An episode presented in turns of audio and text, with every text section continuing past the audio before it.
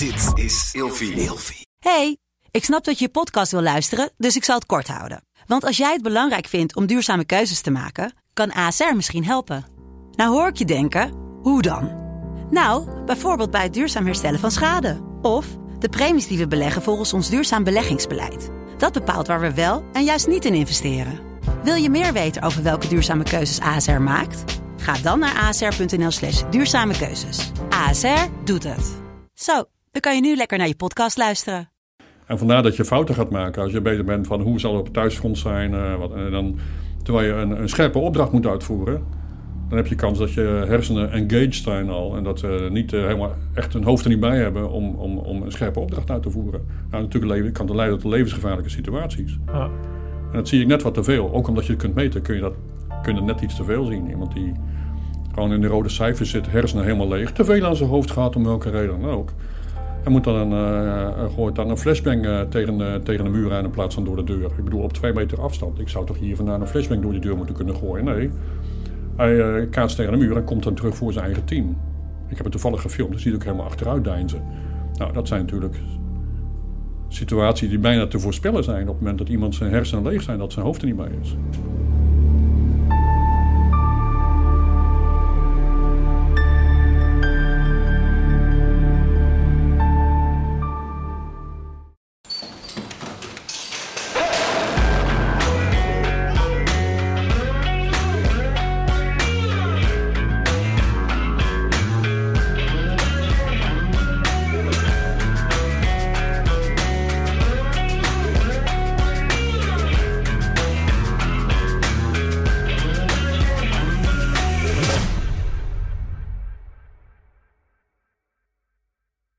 Welkom bij aflevering. Ja, weet het niet, hè? Welke aflevering? 27. Oh, hij weet het. Ja.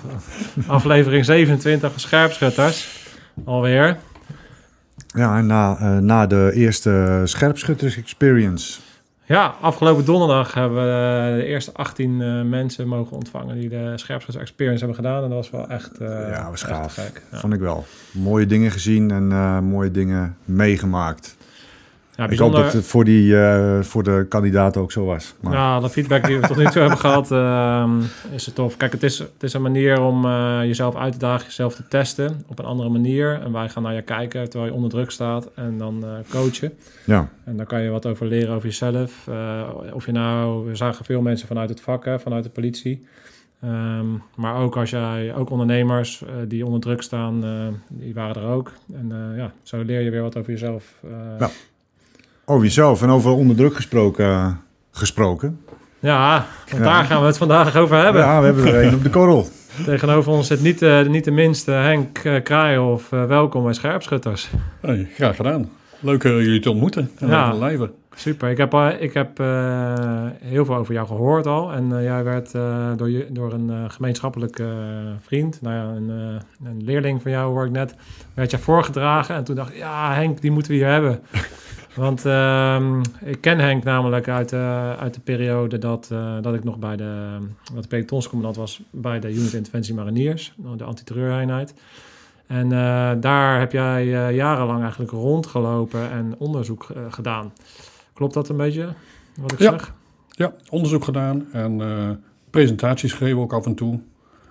Een onderzoek gedaan, ook gelijk de gegevens weer teruggeleid naar de, naar de operators en naar de, de staf eigenlijk. Hè, van wat het allemaal betekent. Om proberen de complexe dingen simpel te maken en praktisch te maken waar je ook wat aan hebt. Ja.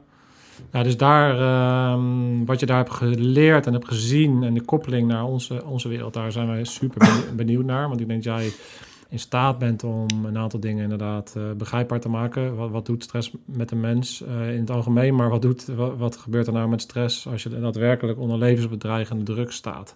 Ja. Ehm, en dat kan in de training zijn, maar ook in de daadwerkelijke uitvoer. Dus daar zijn we heel erg benieuwd naar. Maar ja, voordat we daarmee beginnen, eh, misschien dat er heel veel mensen zitten te kijken. die denken, wie, eh, wie is Henk? Kan ik me zo maar voorstellen. Ehm, dus kan je misschien wat vertellen over jezelf? Ja, Henk Rijnhoff, eh, van oorsprong eigenlijk atletiek trainer, kom uit de sport. En bij toeval ben ik al heel snel in de topsport ingerold. Dus met de breedte sport had ik niet zo heel veel te maken, maar ik heb eigenlijk altijd gemaakt met toppers. Dat heb ik hele lange tijd gedaan. Tot, ik heb vijf Olympische Spelen meegemaakt als geaccrediteerde coach. Eh, tot 2004. En toen dacht ik, weet je wat, ik ga wat anders doen met mijn leven. Anders word je zo'n dinosaurus, die, eh, zo'n fossiel wat nog een beetje rondstamt en, en andere mensen in de weg zit. Ja, het is net estafette, je moet het stokje overgeven aan de volgende generatie op een gegeven moment. Toen heb ik 14 jaar wat anders gedaan. Ik ben net vorig jaar weer beginnen met, eh, met de training geven. Ik kon het gewoon niet laten om die stopwatch in de hand te hebben en gewoon maar wat te roepen. Nou, Dus dat is een beetje... ik heb gewerkt in, in vele takken van sport. Van volleybal, zwemmen, nou alles een beetje wat beweegt. Daar heb ik eigenlijk wel gewerkt als eh, trainer of als consultant of als conditietrainer. Eh, nou ja, dat kun je ergens wel eh, weer terugvinden. Dat is niet zo heel erg interessant eigenlijk. nee. Ja, want hoe ben jij in die sport gerold? ben je zelf vanuit eigen sport? Nee, oh nee man, ik heb een hekel aan sport. Ik heb Oh. een hekel hekel aan sport. dus mijn vrouw vindt het nooit leuk als ik het zeg, maar het is eigenlijk wel zo. Ik, ik ben niet zo'n sporter. Ik, mijn moeder zei altijd, Henk zit in een hoekje met een boekje. dat was mijn leven. Maar je wordt koud, vies, nat, moe. Dat zijn dingen waar ik niet al te veel van moest hebben. En gek genoeg heb ik nou de beste jaren van mijn leven en een groot gedeelte van mijn leven in de sport doorgebracht. Dat kan raar Ik heb- lopen. ja, die dingen raar lopen. Ik ben eh, drie keer Nederlands kampioen indoor geweest op de 400 meter. Wel indoor, dus... Wel eh, indoor. Ja, dus geen, eh, niet... eh, Nee, nee, nat- nee. Buiten was het te koud joh, en, Nee, en te nat en te Ja. winderig en zo. Maar wel indoor. Dat vond ik nog wel lekker. Een beetje lekker warm en geen wind. Dus, eh, en de anderen konden de weg naar de baan niet vinden. Nou, ja, dan, dan loop je bijna in je eentje. Klaar. Dus ehm, ja, dat is het. Eh, ik heb een eh, eigen bedrijfje waar we stress en vermoeidheid in kaart brengen. Dat was natuurlijk toch eh, de essentie van, van training. Elke dag trek je atleten of sporters uit de mentale en fysieke comfortzone met training, fysiek zoals mentaal. En dan hoop je dat ze de volgende dag weer eens een beetje hersteld zijn voor de voorafgaande training. En vaak is dat niet zo, of is bijna nooit zo. Nou, wat je dan doet is meten of ze hersteld zijn en welke systemen wel hersteld zijn en welke systemen niet hersteld zijn. Je kunt bijvoorbeeld wel een, eh, een volle benzinetank weer hebben, maar je banden zijn versleten, of je oliepeil is eh, laag, of je batterij is, eh, je accu is half leeg. Nou, dan ga je al die systemen nakijken en dan kijk je welke training je kunt doen. En op die manier proberen we meer effect van de training te krijgen en minder geblesseerd te raken. Ja, ik ben, ik ben daar heel erg- eh, Jeroen maakt ook eh, regelmatig eh, de vergelijking, eh, want we hebben ook wel topsporters hier aan tafel gehad. Ja. En als wij naar ons, onze wereld de vergelijking trekken met, eh, met de topsport, dan is het eigenlijk, je wilt allebei een optimale prestatie leveren. Alleen Ja. een topsporter doet dat onder optimale omstandigheden. Lekker geen wind en eh, relaxed eh, en Ja. uit, uitgeslapen en goed gegeten. En, en in onze wereld eh, ja, komt het eigenlijk op neer dat je optimale prestaties moet leveren on- onder eh, alles behalve optimale omstandigheden. Ja. Vaak vermoeid, weinig eten, eh, slechte weersomstandigheden. ehm, veel spullen die je mee moet zeulen en- allerlei omstandigheden die het suboptimaal maken. Ehm, dus daarom ben ik heel erg, vind ik het heel erg gaaf om te zien dat jij dus eigenlijk vanuit allebei de werelden ehm, ja, kennis meeneemt. Om Ja. eens even daarop te naar, daarnaar te kijken. Ik moet be- bekennen, topsport is eigenlijk een makkie. Want we weten nu al, de Olympische Spelen zijn volgend jaar in Tokio. We weten al waar het is, welk stadion, we weten welke, hoe hard de baan is, of een zachte baan of een harde baan. We weten eigenlijk al hoe laat het is. De 100 meter finale is, noem maar wat, 28 augustus om 8 uur s'avonds. We weten eigenlijk al wie er deel gaat nemen. Dus eigenlijk alles al bekend. En dan heb je vier jaar de tijd om je daarop voor te bereiden. Ja. Nou, een sporter kan zijn werk doen en een coach kan zijn werk doen. En als ze het goed doen, dan komen ze in de krant en dan wordt het beloond. En als ze het niet goed doen, dan lag het aan het weer of lag het aan de tegenstander of lag het ergens anders aan. Voor jullie ligt het heel anders. Als jullie goed werk doen, komt het amper in de media. Je krijgt nog een keer een schouderklopje. en dan denk je misschien nog een keer een mooie medaille die je op kunt spelden. Ja. Maar mm, dat is het ook eigenlijk. En wij hebben ook vaak als topsporter een heel team om ons heen. Een coach, een masseur, een fysiotherapeut, een dokter, een diëtist, een psycholoog, een biomechanicus, noem maar op. Een hele romslomp van, van, van, van mensen eromheen. Nou, maar dat had ik Om- ook hoor. Om, sorry? Ja, ik moet ze nog zien. Ik heb ze eigenlijk nooit gevonden. nee. Ja. Nee, maar, want, en hoe, hoe ben jij dan in, die, in, die, eh, in onze wereld eh, terechtgekomen? Weet je dat nog? Nou, eigenlijk wel bij toeval. Bij toeval, omdat iemand was mijn beste student ooit. En eh, ik vond het wel bijzonder. Een hele slimme jongen. En ehm, ja, die had mij even uitgenodigd om eens een keer te komen praten... om te kijken bij wat toen destijds nog de, de BBE heette. Om de, of de, de informatie en de dingen die we deden ook konden toepassen op operators. Want we kunnen veel van elkaar leren. Topsporters kunnen veel van, van operators leren, van special forces leren. En eh, eh, jullie kunnen waarschijnlijk van ons ook nog wat leren... als het gaat om training, om voeding, om psychologie. Ja. Dus die velden vullen elkaar heel mooi aan. Het enige is, voor ons is er een gouden medaille Of zilver. Voor jullie is er geen zilveren medaille. Een zilveren medaille betekent dat jij de pijp uitgaat. Dus het ligt allemaal een stukje scherper bij jullie. Dus het kans op levensgevaarlijke situaties. bij ons is het eigenlijk nooit. Er zijn een aantal gevaarlijke sporten bij, maar uiteindelijk staat je leven nooit op het spel. Dat is een, redelijk luxe probleem. Ja. Jij, eh, jij- hebt dus onderzoek gedaan naar het presteren onder druk. Ja. En hoe snel mensen daarvan herstellen. Of Ja. wat, wat voor invloed druk heeft op eh, de kwaliteit van een operator. Ja, precies. Kun je, kun je daar iets meer over vertellen? Nou, weet hoe, je hoe dat onderzoek er precies uitgezien heeft? En wat, Ja. je, wat, je, wat je nou precies aan het eh, ging, ging bekijken daar? Nou, een van de dingen die we gedaan hebben is gewoon meten hoe gestrest iemand is. Gewoon als hij aan tafel zit, we leggen hem gewoon neer. Heel rustig, niks aan de hand. Dan meten we hoe hoog zijn stressniveau is. Laten we zeggen 40. Maar, maar hoe, hoe meet jij dat dan? Heb je Oh, we meten dat eh, voor? op een aantal manieren. We weten welke systemen betrokken zijn bij stress. Dat zijn de, allereerst je hersenen. Ja. Dingen die je ziet, dingen die je hoort, dingen die je voelt, dingen waarover je nadenkt, dingen die je herinnert. Anticiperen van wat er gaat gebeuren voor een wedstrijd of voor een inzet. Dan anticiperen je hersenen al. Maak al een idee van wat er gaat gebeuren en een inschatting van de dreiging. Tweede is je autonome zenuwstelsel. Dat is de meest bekende en de meest makkelijke. En dat is eigenlijk het systeem van vechten, vluchten of presteren. Dat noemen we dan je gaspedaal. Of rest and digest. En dat noemen we dan je rempedaal. Nou, en die dingen moeten met elkaar in, in, in evenwicht zijn eigenlijk. Nou, zoals we hier zitten, hoef je echt niet op je gaspedaal te trappen, want er is geen levensbedreigende situatie. Dus eh, lekker ontspannen. Nou, die twee systemen zijn met elkaar in evenwicht normaal gesproken. Dan gaan we een, een actie uitvoeren, of een simulatie, of een, eh, moeilijke opdracht uitvoeren, waar wat stress eh, om de hoek komt kijken. Dan meten we onmiddellijk na die tijd wat er nou gebeurt. En dan meten we na een half uur meten we weer.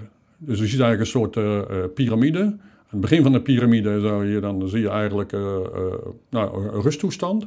Dan ga je omhoog, gelijk naar die actie, dan giert de adrenaline nog door je lichaam. En na een half uur, als het goed is, dan is die adrenaline voor het grootste gedeelte weer verdwenen. En die adrenaline is ook weer je gaspedaal, hè, vechten of vluchten. Ja, want dat is natuurlijk heel erg verschillend. Want jij, jij zegt dat je hier zitten is lekker ontspannen. Maar ik kan me heel goed voorstellen dat, dat eh, de eerste keer dat wij hier zaten, zaten wij hier waarschijnlijk met een hoger stresslevel dan dat we nu zitten. Nu zitten we lekker ontspannen. Ja. Ik ben heel erg ontspannen. ja. Maar de- wat ik wil zeggen, mijn punt is dus dat eh, dezelfde activiteit voor, verschillen- voor twee verschillende mensen eh, ook een verschillend eh, stressniveau oplevert. Ja, absoluut. Nou, weet je wat? De een is een hobby, is de ander is een doodsangst. Ja. De een gaat bungee jumpen, de ander is al bang op een keukentrapje. Zo is het eh, heel simpel. Er zijn enorme verschillen tussen mensen. Dat is, ten eerste is dat genetisch bepaald. Je hebt mensen die zijn altijd meer gestrest dan anderen. Je hebt mensen die zijn eigenlijk zelden of nooit gestrest. Dat is al nummer één. Dat is genetisch, maar daarnaast heb je natuurlijk nog je opvoeding. Daarnaast heb je je opleiding, je training. Dat soort dingen kun je allemaal eh, eh, vormgeven, als het ware. Ja. En als het gaat om operators of mensen in arrestatieteams, dan is dat natuurlijk al een natuurlijke selectie. Als jij liever in een hoekje zit met een boekje, dan ga je natuurlijk nooit eh, bij de BBE eh, door, de, door de modder ploeteren. Laten we eerlijk zijn. Dus er is eigenlijk al een natuurlijke selectie. Dan heb je al mensen die het avontuur niet schuwen. Dat zijn vaak buitenmensen, hele sportieve mensen die daar eh, gaan. Dus je hebt, je hebt toch al een beetje een, een, een, een shift daar, Ja. naar die kant toe. Ja, want, want, want jij bent toen dat onderzoek gaan doen. eh, heb je toen vooral bij, in het selectieproces gekeken? Dus mensen die bij de, bij de bijzondere bijstandseenheid wilden komen? Of heb je ook getest met operators die al operator waren? Of allebei? Nee, ook allebei. Allebei. allebei. Dus eh, bij de selectie. En om te kijken of er een relatie was tussen stressniveau en degene die het haalde en degene die het niet haalde. En later ook nog allerlei interessante dingen gedaan. Om te kijken eh, bijvoorbeeld wat het effect is van oefeningen. Het effect van eh, niet slapen. Het effect van, van domweg een, een hele zware training doen. En bijvoorbeeld het effect van ouder is een verschil tussen de, de laat ik zeggen, de 25-jarigen en de 45-jarigen die nog steeds eh, eh, meedraait. Ja, Herstelt hij nog zo snel? Is, wat gebeurt er met zijn stressniveau? Of kun je zeggen dat het stressniveau door de loop der jaren ook een beetje optelt langzamerhand? Ja. Dus dat zou ook nog een mogelijkheid zijn. ja, Dus er komen allerlei interessante dingen uit. Het effect van de hersenen, of eh, laat ik zeggen, het, eh, het, eh, de rol van de hersenen in, in presteren. Heel belangrijk. Want daar begint het en daar eindigt het ook vaak in de hersenen, niet in de spieren. nee. Anders zou elke bodybuilder of gewichtheffer met genoeg spier zou, zou gewoon een goede operator zijn. We weten dat het niet zo is. Dingen als leiderschap, motivatie, reactiesnelheid, eh, beslissingen kunnen nemen onder druk, je hoofd koel houden. Ja, dat begint toch allemaal in de hersenen. Ja. En niemand meet dat. Eh, waar ik mij, eh, hoe meet je dat? Gewoon praktisch. Oh, eigenlijk heel simpel. De hersenen zijn een, eh, een batterij of een accu. Die Ja. moet stroom leveren. 24 uur per dag moeten die hersenen stroom leveren. Dat kun je met een kapje opdoen met allemaal mooie elektroden. Dan krijg je allemaal gekriebel te zien en dat levert niks op. Dat noemen we EEG. We hebben een andere methode, die komt oorspronkelijk uit Amerika en uit Rusland. Hele oude methode eigenlijk al, heel simpel. Een plakkertje op je duimhuis, een plakkertje op je voorhoofd. En die meet net als een accu of een batterij, twee polen, twee elektroden. En dan zie je hoeveel stroom die batterij produceert. Ja. En heel simpel, als je een accu meet. En dat meet je dan. En als iemand heel veel aan zijn hoofd heeft, of iemand mentaal moe is, of een chronic central nervous fatigue noemen we dat. Als zijn hersenen moe zijn, dan zie je gewoon dat die batterij leeg is. Als die batterij leeg is, of niet meer helemaal vol is, en je moet dan een moeilijke opdracht uitvoeren, dan zul je zien dat je die opdracht gewoon domweg niet zo goed doet. Dan zie je optreden van fouten, kleine stommiteiten. Eh, dan ga je net door je enkel. Ja, hoe kan je nou door zijn enkel gaan? Dan laat je, laat ik zeggen, een, eh, een vuurwapen uit je handen vallen of een magazijn uit je handen vallen. Waarbij je denkt, hoe is dat mogelijk? Maar dan ga je meten en dan blijkt dat die hersenen helemaal eh, in het rood staan. Ja. Nou, dan weet je dat hij te veel aan zijn hoofd heeft gehad. Dat je hersenen niet helemaal uitgerust zijn. En dus ook niet optimaal voorbereid op de taak die hem te wachten staat. Dus simpelweg een beetje hersenbatterij. Heel simpel. Ja, wat, ik, wat, ik, ja, sorry. Nee, gaan we. Ja, wat ik vooral ook, wat ik me dan ook afvraag is van ja, vermoeidheid is bijna een soort gegeven eh, in het werk wat we vaak doen. Ehm, zie je dan ook dat mensen onder dezelfde mate van vermoeidheid een andere eh, prestatie leveren? Oh ja. oh ja, dat is zeker zo. Dat hangt er ook een beetje vanaf of, of eh, hoe geautomatiseerd een oefening is. Iemand die, nou ik zeggen, duizenden keren een magazijn heeft verwisseld, die zal onder stress dat hetzelfde nog kunnen blijven doen, ook als zijn batterij nog leeg is. Iemand die dat eh, voor de eerste keer doet, die laat natuurlijk al die dingen uit zijn handen vallen. Dus, eh, dat- Dus dan komt die muscle memory eh, bijvoorbeeld, waarom we dus zoveel skills en drills trainen, dat komt dan dus op zo'n moment bijvoorbeeld naar voren. Absoluut, Ja. absoluut, absoluut. Daarom heeft het zin om hè, muscle memory noemen we het dan, of gewoon dingen automatiseren, zodat je hersenen, dat het je hersenen passeert. Hoef je niet meer bij na te denken. Je denkt ook niet na over hoe je loopt of hoe je fietst of hoe je auto start. Daar denk je ook niet meer over na. Doen een automatisme worden. Ik hoorde laatst ook zo'n theorie. Ik ben benieuwd hoe jij daar dan over nadenkt. Als je het hebt over eh, bewust en niet bewust zijn, is dat eigenlijk 95% van je lichaam bijna geautomatiseerd is. Omdat je, je lichaam neemt eigenlijk eh, taken zo snel mogelijk over, zodat je er niet meer over hoeft na te denken. 's ochtends hoef je niet meer na te denken hoe je je tanden poetst. Dat heb je zo vaak gedaan. Dat gaat Ja. automatisch. Op dat moment ben je daar bewust eigenlijk ook helemaal niet meer bij. Ja, En dat je eigenlijk nog maar een hele kleine ruimte hebt, 5%, 5% om, om, ehm, om echt vanuit je eh, pre-cord, hoe noem je dat eh, ding aan de voorkant? prefrontale cortex. prefrontale cortex echt eh, dingen kan beïnvloeden vanuit je... Nee, hey, je hebt helemaal gelijk. Eh, naarmate we meer weten over de neurosciences, weten we ook dat een hele hoop dingen niet zo bewust gebeuren als dat we eigenlijk denken. En Een, een, een, een, oude schrijver zei ooit, eh, de hersenen zijn het orgaan waarmee we denken dat we denken. Vaak denken we dat we een beslissing nemen, maar die beslissing is in feite al, is die beslissing al genomen en, en, en een tijdje van tevoren. Het moment dat jij denkt van, ik ga het kopje pakken, nou, twee seconden van tevoren gaat hier het lampje branden in mijn hersenen om dat kopje te gaan pakken. En dan denk ik dat ik zelf die beslissing nog niet heb genomen. Maar in feite is die beslissing al genomen en wordt het signaal al gegeven. Ja. dus we lopen altijd een beetje achter de waarheid aan. Die beslissing is al genomen, dan denken we dat we nemen. En vaak, de belangrijkste eigenschap van onze hersenen is als verhalenverteller. Dus achteraf hebben we er altijd hele mooie verhalen eh, over. Net als eh, in de sport, dan eh, lees je, nou ja, als een, als een wedstrijd wordt verloren en je interviewt de coach, dan heeft hij een geweldig verhaal hoe goed ze dat allemaal wel niet voorbereid hadden. Dat verhaal had hij niet voor de wedstrijd hoor. Dat, dus heeft hij bedacht om maar gewoon eh, ja, eh, te verklaren waarom ze nu gewonnen hebben. Of was ze verloren hebben eigenlijk hetzelfde. Dus achteraf gaan we vaak de witte gaten vullen, de witte plekken op de kaart. En dan bedenken we allerlei verhalen voor. Ja. Een heel interessant systeem. Ben je dan ook iemand die eigenlijk zegt dat de vrije wil niet bestaat? Eh, ja. ja, precies. Vrije wil bestaat niet. Een heleboel dingen zijn eigenlijk al voorgeprogrammeerd. eh, zijn eigenlijk eh, gebaseerd op eh, wat we noemen bias, een fout in ons denken. Ja, stel je voor, als iemand een operatie, zware operatie moet ondergaan en de dokter komt daar aan toe en zegt nou, 80% kans dat u deze zware operatie overleeft. denk je, hé, hey, dat ga ik doen. Of de dokter komt naar je toe en zegt, nou, 20% kans dat u, de- dat u deze operatie niet eh, haalt. Dat u niet te leven uit je operatie komt. Zeggen, nou, 20%, dat gaan we niet doen. Terwijl het in feite om hetzelfde gaat. er zijn allerlei dingen die in onze hersenen voorgeprogrammeerd zijn, die we eigenlijk ook niet meer herkennen als zodanig, die ons gedrag voor een heel groot deel bepalen. Ja, en dan, en dan is het één impliciet positief gebracht en Ja. het ander negatief Ja, gebracht. precies. En, die, en, en, en, en, en eh, de manier waarop het gezegd wordt slaat dan door Natuurlijk. in je, in je, in je denken. ja. Het is in feite gewoon marketing. ja, Zo werkt marketing ook. Eigenlijk wel, natuurlijk. Ja, zeker. Ja, zeker dus dat is zeker. ook gewoon het, met, met, met taal en met beelden je hersenen op een dusdanige manier beïnvloeden. Eh, nou, dat je het eigenlijk eh, wil hebben. Ja. Of niet. Ja, ik heb daar zelf aan meegewerkt. Eh, we hebben een, bij een Duits bedrijf hebben onderzoek gedaan. Een soort supermarktachtig bedrijf. En daar hangen we mensen aan met apparatuur, een klein kastje. Dan meten de hartslag, de ademhaling, de spierspanning, hersengolven, de huidtemperatuur, een koude klamme hand hebben. Ehm, de huidgeleiding, een natte hand, een koude hand, een zweterige hand, daar gaat de stroom makkelijker doorheen. Dat meten we, dan laten we mensen door de winkel lopen en dan gaan we kijken waar mensen op reageren. Nou, als een reactie is, is dat meestal een negatieve reactie. Een negatieve eh, stimulus, dus een negatieve prikkel, heeft een grotere invloed dan een positieve prikkel. Ja. Want stel je voor, je, zo werkt een leugendetector. Als je eh, mensen aan een leugendetector eh, legt en je vraagt, heb jij een goede relatie met je ouders? En ze, je zegt, wow, je krijgt een warm gevoel van binnen. Ja, ik heb een hele goede relatie met mijn ouders. Dan zie je een klein piekje. Maar als je een hele slechte relatie hebt en je zegt nee, dan zie je een veel hogere piek. Dus negatieve stimuli hebben een veel grotere impact op ons denken dan positieve. Is ook, is ook goed, want negatieve eh, eh, stimuli is vaak, houden vaak een dreiging in of een angst in.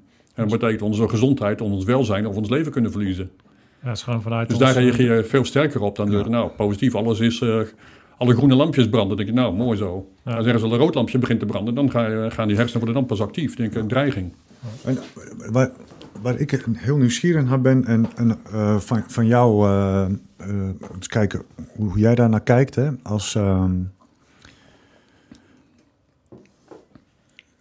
als je kijkt naar dit werkveld, hè, dan, dan, dan train je in feite eh, continu eh, eh, onder levensbedreigende omstandigheden. Mhm. En ik denk dat je in training ook moet proberen, en dan heb ik het nu over operators, Ja. moet proberen om zoveel mogelijk tegen de waarheid aan te trainen. Ja. Dus simulaties moet je eigenlijk niet willen, want dan ga je waarschijnlijk verkeerde impliciete verbindingen maken die eh, op een verkeerde manier eruit komen als het echt nodig is. En wat ik daarmee bedoel is, eh, nou, eh, neem, eh, je hebt één ruimte met eh, twintig deuren.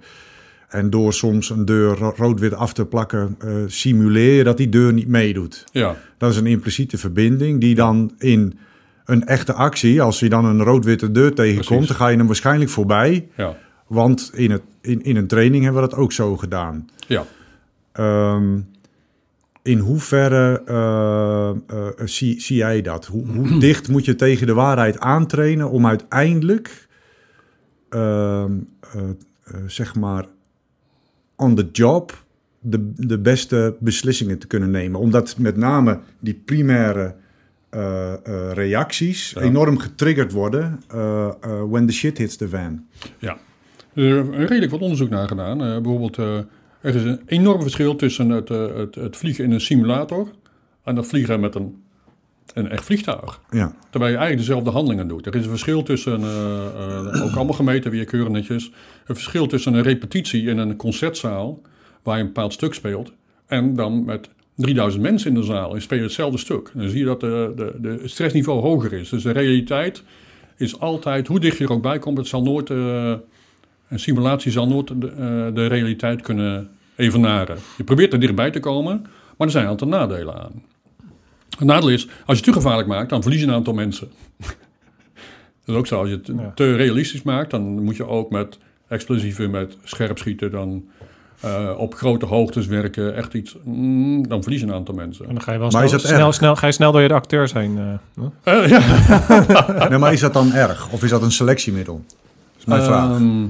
Nou, hangt er af hoeveel mensen die je beschikking hebt. Kijk, in Nederland zijn we niet zo. In Rusland, als je daar de spetsnaz hebt, dan verdwijnen de mensen gewoon die sneuvelen in gewoon een oefening. Omdat er ge, eh, eh, geëxplodeerd wordt en met scherp geschoten wordt. En dan verlies je een aantal mensen. Ja, in Rusland is dat wat minder dan in Nederland. Ik weet dat in Nederland ook geoefend wordt en dat er ook eh, mensen om het leven zijn gekomen. En dat was, nou ja, tot in de Kamer worden daar vragen gesteld. Dus ons hele politieke systeem is niet ingesteld op op, op deze attitude. Nee, oké, maar als je dat dus loslaat en gewoon puur feitelijk kijkt Ja, naar jezelf zo optimaal mogelijk voorbereiden ja, eh, eh, binnen die setting. ja. ja, niets haalt er bij actie. Denk aan de Israëlische Special Forces teams, die eigenlijk bijna continu actie zien. Ja, dat is natuurlijk het beste wat je kunt hebben. Vroeger had je de SAS in Amerika of de Navy SEALs die eigenlijk continu eh, real-life actie zien. Dat is natuurlijk geen betere training dan dat, want daar krijg je alles onverwacht en reëel voor je voeten, waar je eigenlijk ook, ook nog nooit hebt, eh, hebt getraind of over nagedacht. Dus dat zou het beste zijn. Dus je kunt je voorstellen dat een operator hier vroeger bij de BBE. Ja, hoe vaak zie je actie? Want dat betekent dat het, dat eh, eh, levensbedreigend is, dat het grootschalig is. Nou, grootschalig optreden. Hoe vaak is dat nog voorgekomen de afgelopen tien jaar? Eigenlijk niet meer. En dan was de overmacht wel zodanig dat, je, dat, je, dat er eigenlijk niet sprake was van een levensbedreigende situatie. Als je met eh 50 man één, één eh, terrorist moet oppakken dan, en, en je bent zwaar beschermd en alles afgezet en dergelijke, dan, dan valt het wel een beetje mee. Dat is ook niet echt, laat ik zo zeggen, spannend. Maar Een van de redenen dat ik eh, mijn bedrijf heb opgezet, heeft ook wel daarmee te maken. Is omdat, omdat eh, binnen de, toen ik pelotonscommandant was bij de eh, bijzondere bijstandseenheid, is dat ehm, de oefeningen van dusdanig hoog niveau waren dat het bijna halve films, eh, filmsets waren geworden. eh, om, om het realisme zo dicht mogelijk te benaderen. Ja. En vanuit dat idee zag ik van nee, dat maakt wel heel veel indruk. Eh, ik denk dat er heel veel mensen heel graag ook in zo'n filmische setting gebracht zouden willen worden voor de fun. Ja, Ehm, dus zo, zo is mijn bedrijf ontstaan. En om, om even aan te haken nog, dus hoe, hoe ver kunnen we, als we, uitgaan van het feit dat, natuurlijk is realiteit de beste training, hoe ver zou je moeten gaan in je trainingen ja. eh, om het zo goed mogelijk te maken dan zonder dat er mensen sneuvelen?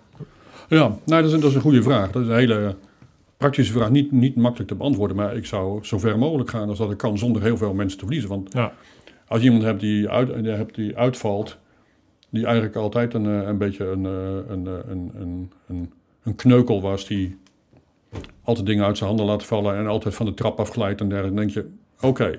Maar je zou ook hele goede operators door een, door een domweg, door een, eh, door een eh, ongeval kunnen verliezen. Dat is eigenlijk waar je Ja. niet op zit te wachten. Zoveel zijn er niet en zoveel komen er ook niet Nee, bij. maar als je, als je dat dus loslaat hè, Ja. en, en, en, en eens ehm, eh, eh, kijkt naar wat er in de hersenen gebeurt op Ja. het moment dat je acuut in een levensbedreigende situatie zit. Ja.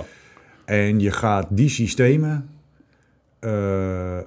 leren herkennen, Ja, eh, eh, bekendmaken bij mensen, eh, bij Mhm. operators. En je probeert rondom die systemen een training te ontwikkelen om je daarop voor te bereiden. Ja, dat zou heel goed zijn. Dat zou wel goed zijn. Maar nogmaals, je moet afwegen tegen, tegen het verlies. Je moet de, winst, de extra winst daar.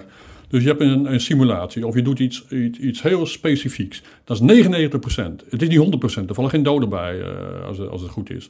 Nou, dan ga je zeggen, oké, dat is niet goed genoeg. We gaan naar 100%. Maar met die 99% verlies ik niemand. En met die 100% verlies ik 10 man. Nou, dan is de vraag, kun je die... Ja, nee, maar ik heb het niet zozeer in het opzoeken van gevaar. Nee? Maar, in, Maar als je kijkt naar. Hè, de, eh, ehm, eh, nou, we gebruiken dat in, in, in trainingen ook wel, doe ik het niet goed? Ja. In, eh, in trainingen ook wel. Ehm, en dat zie je hier bij Hellshooter ook. Ja. Mensen hebben een bepaalde primaire reactie op Ja. het moment dat het absoluut, gebeurt. absoluut, ja. En die primaire reactie die kun je niet onderdrukken. Nee, Die gebeurt gewoon. nee, klopt. En Klopt. er zijn natuurlijk genoeg veilige settings te, eh, te, te bedenken, didactisch gezien, Ja, waarin je die primaire reactie triggert, ja, die primaire reactie bij mensen eh, laat ervaren ja, en ze dan eh, zo snel mogelijk eh, om te laten schakelen in een tactische positieve beweging. ja, dat klopt. Dat klopt, ja. Dat zou perfect zijn als je dat, als je dat eh, lukt. Dat zou perfect zijn. Meestal in mijn training, kijk, Olympische Spelen zijn maar één keer per vier jaar.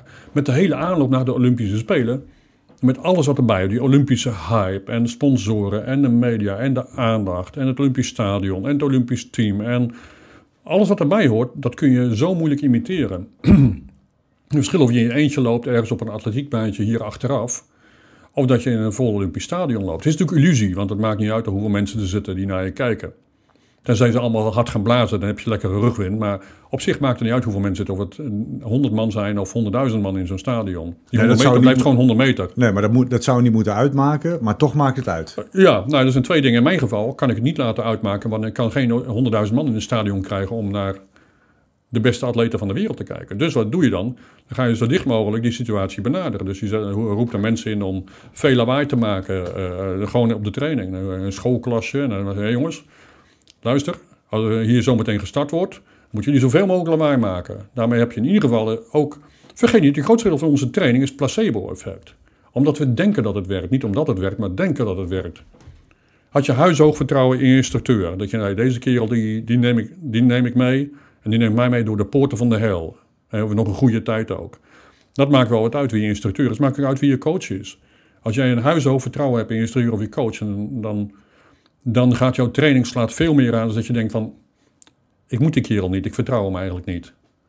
Dus vertrouwen is eigenlijk wel een, eh, een sleutelwoord. Ook om de training effectiever te kunnen maken. Dus als ik zeg, luister... Dat Olympisch Stadion kunnen we niet imiteren. Ik heb geen honderdduizend man. Maar wanneer is het belangrijk? Als een stadschot gaat in het Olympisch Stadion hoor je helikopters en mensen applaudisseren voor iets anders. En veel lawaai en fotografen. Dat kunnen we wel imiteren. Gewoon door veel lawaai te maken en mensen laten stampen en fluiten en klappen. En dan moet je toch geconcentreerd blijven op dat schot. Gewoon die enorme focus op het schot en niks anders. Nou, dat kun je wel imiteren. Ja, we hebben het ook wel eens gehad over eh, dat je hele simpele dingen is. Bijvoorbeeld, ik noem maar iets lugubers als lijkengeur. Ja, En dat je bijvoorbeeld lijkengeur in een bepaalde opzet eh, geeft om dan ook dat niveau omhoog te halen. Absoluut. Want eh, ook bij PT6 weten we dat bijvoorbeeld, eh, nou, heel bekend van Vietnam-veteranen, waar eh, met napalm gesmeten werd. Dan komen ze ergens eh, thuis bij een barbecue en plotseling ruiken ze dat verbrande vlees. En dan krijgen ze toch weer, dus betekent dat een enorme impact heeft op de hersenen. Ook de, ook de geur wordt vaak onderschat als, eh, als eh, zintuigelijke input die iets kan triggeren bij mensen. Ja. En daarom zeggen we ook, eh, deze zaak stinkt of eh, ik ruik onraad. Eh, dat is echt zo. Want het is, de meest snelle verbinding naar de hersenen is via de neus namelijk. En jij kunt op 50 kilometer afstand kun je al een bosbrand ruiken. Nou, dan zie je hem echt nog niet en dan hoor je hem ook nog niet. Maar je kunt hem al wel ruiken. Dus dat is een heel belangrijk orgaan wat dat betreft. Nou, mooi, ja. Ja, nou, ik denk dat we kunnen concluderen dat je dus de training, situatie, ehm, dat dat gewoon heel erg belangrijk is. eh, omdat de, dus de, de werkelijkheid zo, zo goed mogelijk eh, Absoluut. te Ja. benaderen. Ja. Hey, Ja, wa- we, hebben ook natuurlijk met, eh, we, we hebben het natuurlijk met Erwin ook eh, over, over training gehad, Erwin van Beek. Hè, over ehm, eh, wat is nou goede training. En we hebben toen vooral gekeken naar een aantal voorbeelden waarin het gigantisch misgaat. En, en, en wat daarin bijvoorbeeld ook heel erg naar voren kwam, is dat er, eh, er vaak ook getraind wordt op succes. Ja. Hè, dus, dus, Ja. dus, dus je hebt een trainingsmethode en de Ja. uitkomst is succesvol. Ja. Maar eigenlijk zou je veel meer moeten trainen op mislukken. Ja, in de sport is dat redelijk, redelijk eh, eh, gebruikelijk. Dat als je deze, of gisteren was eh Federer tegen eh, eh, Djokovic. Ja, en dan ziet we welke fouten die maakt. Nou, dan is het de zaak om als hij volgende week Djokovic, om namelijk daarop te gaan trainen. Niet zo sterke punten, dat weet hij wel, dat kan hij wel. Dat, dat, dat, dat hanteert hij geweldig. Maar juist op de fouten die gemaakt worden.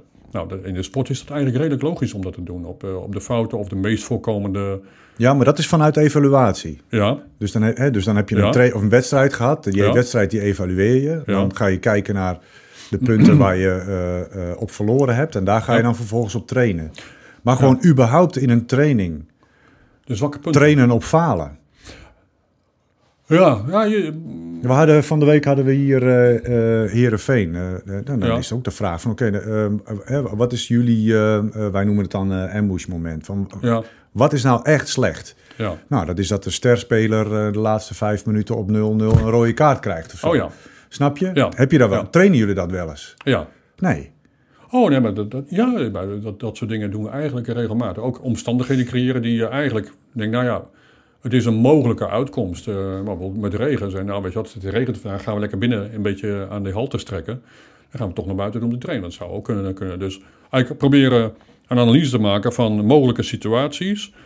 Positieve uitkomst is er, maar er is ook een negatieve uitkomst van eh, situaties. En daarop is het belangrijk om te trainen. Want je zult zien op het cruciale moment zal dat natuurlijk net, net even voorkomen, eh, voorkomen. En komen je zwakke punten op de uiting. Dus het, eigenlijk, eh, het moet- mensen zeggen, moeten we nou onze sterke punten trainen of onze zwakke punten trainen? Waarom niet allebei? In case of doubt, choose both. Dus je moet je sterke punten waarvoor jij ontwikkeld bent, moet je gaan eh, trainen en bijhouden. Maar ook je zwakke punten moet je proberen uit te schakelen. Ja. Nou ja, de, de kunst is ook om, om uit te vinden, A, wat zijn de individuele zwakke punten? En B, wanneer komen die fouten nog eens een keer voor? Wanneer komen ze nu naar, eh, nou ja, meestal niet eh, in, in normale situaties, pas onder stressvolle situaties, dan zie je dat, dat iemand zijn zwakke punt naar boven komt. Dan zie je dat mensen toch eh, hun koel verliezen of het hoofd verliezen of plotseling alles om zich heen vergeten. Nou ja, ik, ben, ik zou hem ook wel graag eventjes willen trekken naar dat meer individuele niveau. Kijk, want eh, waar ik benieuwd naar ben, ik weet zeker ook dat veel mensen die naar deze podcast eh, luisteren of kijken, eh, interesse hebben in, in onze wereld of er graag bij zouden willen komen. Ehm, en als je, als je dan de vraag zou krijgen van uit welk hout moet iemand gesneden zijn om goed te kunnen presteren Ja. ten opzichte van een gemiddeld mens. Zit Ja. daar, kan, je, zou je daar, kan je daar iets over zeggen? En als je, van- vanuit de stressniveau hoe, en hoe ze daarmee omgaan? Dat is leuke voor mensen. Het leuke voor mensen is ook in de sport. We kunnen namelijk compenseren.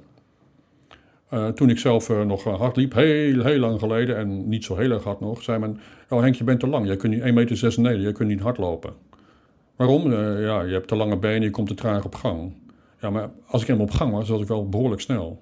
Ik heb ook 10, 500 meter gelopen destijds. En het record afgepakt van degene die dat beweerde. Om te laten zien dat ik kan compenseren. Misschien ben ik het eerste stukje niet zo snel, maar het laatste stukje wel. Nou, nu is Usain Bolt 1,96 meter, gaan we nooit meer zeggen dat lange mensen niet kunnen hardlopen, wel? Dus we kunnen altijd compenseren. Een goede techniek, maar een slechte conditie. Dus slechte conditie kunnen we compenseren met een goede techniek.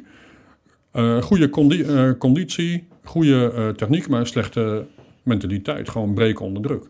Nou, al die factoren moet je eigenlijk een analyse van maken. Wat vraagt de wedstrijd? Wat vraagt de inzet? Dan ga je kijken, wat voor vlees heb ik in de kuip?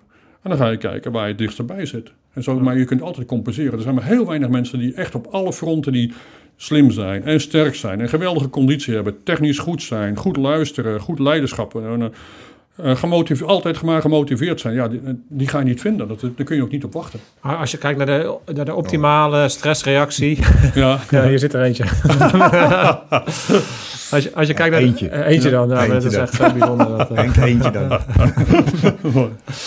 Nou, ja, de, de, de optimale, eh, je kan zeggen bijvoorbeeld een eh, wielrenner die zou eh, zoveel adrenaline moeten hebben om, op, Ja. om de beste fietser te zijn. Als je kijkt naar een operator, die zou een bepaalde stressreactie moeten hebben, Ja. dus die, die piramide. ja. Hoe zi- ziet een optimale stressreactie eruit voor een operator?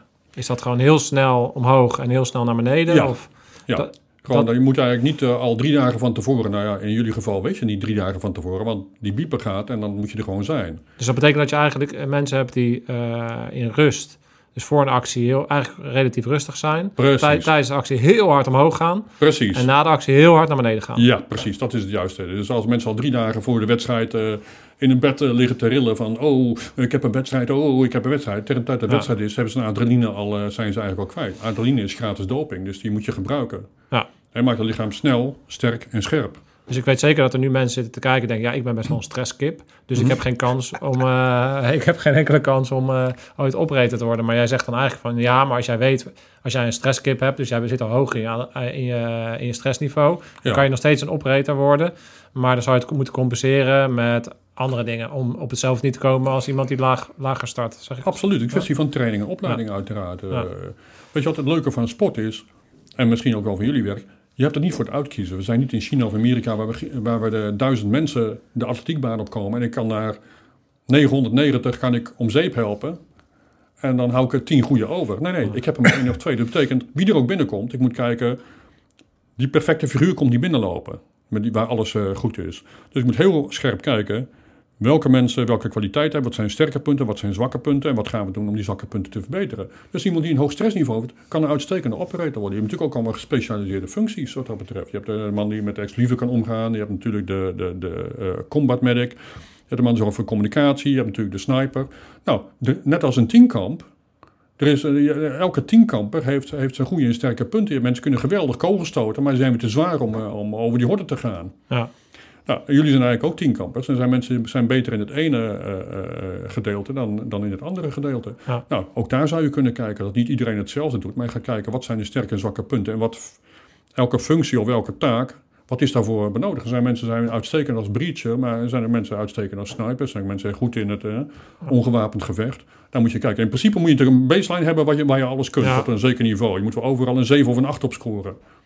Maar je sterke punten komen er een 10. En dat kun je ergens anders een 5. Dan laat je eh, die gast laat je gewoon, dat werkt gewoon uh, domweg natuurlijk. Dan haal je hem gewoon uit de, uit de, uit de wind, wat dat betreft. Nou, en zie- zag je bijvoorbeeld wel een eh, bepaalde threshold daarin? Dus een bepaald niveau van, ja, als je, als je echt eh, een, zo erg stresskip bent, dan ga je het in die wereld niet redden, bijvoorbeeld. Ja, nou, maar die, die hadden zichzelf wel uitgeselecteerd. Ja, Die, hadden zichzelf, die, die zin je- vind je eigenlijk niet. Wat wel, wat wel heel erg interessant was, dat eh, als het gaat om stress, eh, zijn jullie waarschijnlijk wel de best getrainde mensen van Nederland. Dat, eh, dat, dat leidt eigenlijk geen twijfel, een hele hoop stress aan. Dat wil zeggen, datgene waar je voor getraind bent.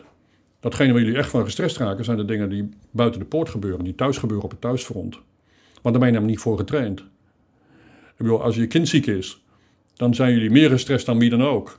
Terwijl als je ergens een inzet moet doen en er zit een, een zwaar gewapende terrorist op je te wachten, dan is dat eigenlijk je stressniveau lager dan eh, eh, eh, dat je meisje belt van hé, hey, luister even, kind dat heeft hoge koorts, ik nu naar het ziekenhuis toe. Wat moet je dan zien? Dan valt het wel een beetje mee. Dan, dan, dan slaat toch de stress toe. Want dan ben je niet op getraind en op voorbereid. Dus het is redelijk specifiek. Ja, bizar. Dat vind ik wel bizar Dus om te horen eigenlijk. eh. De leider van een voetbalteam, de, de, de, de, de, eh, hoe heet dat?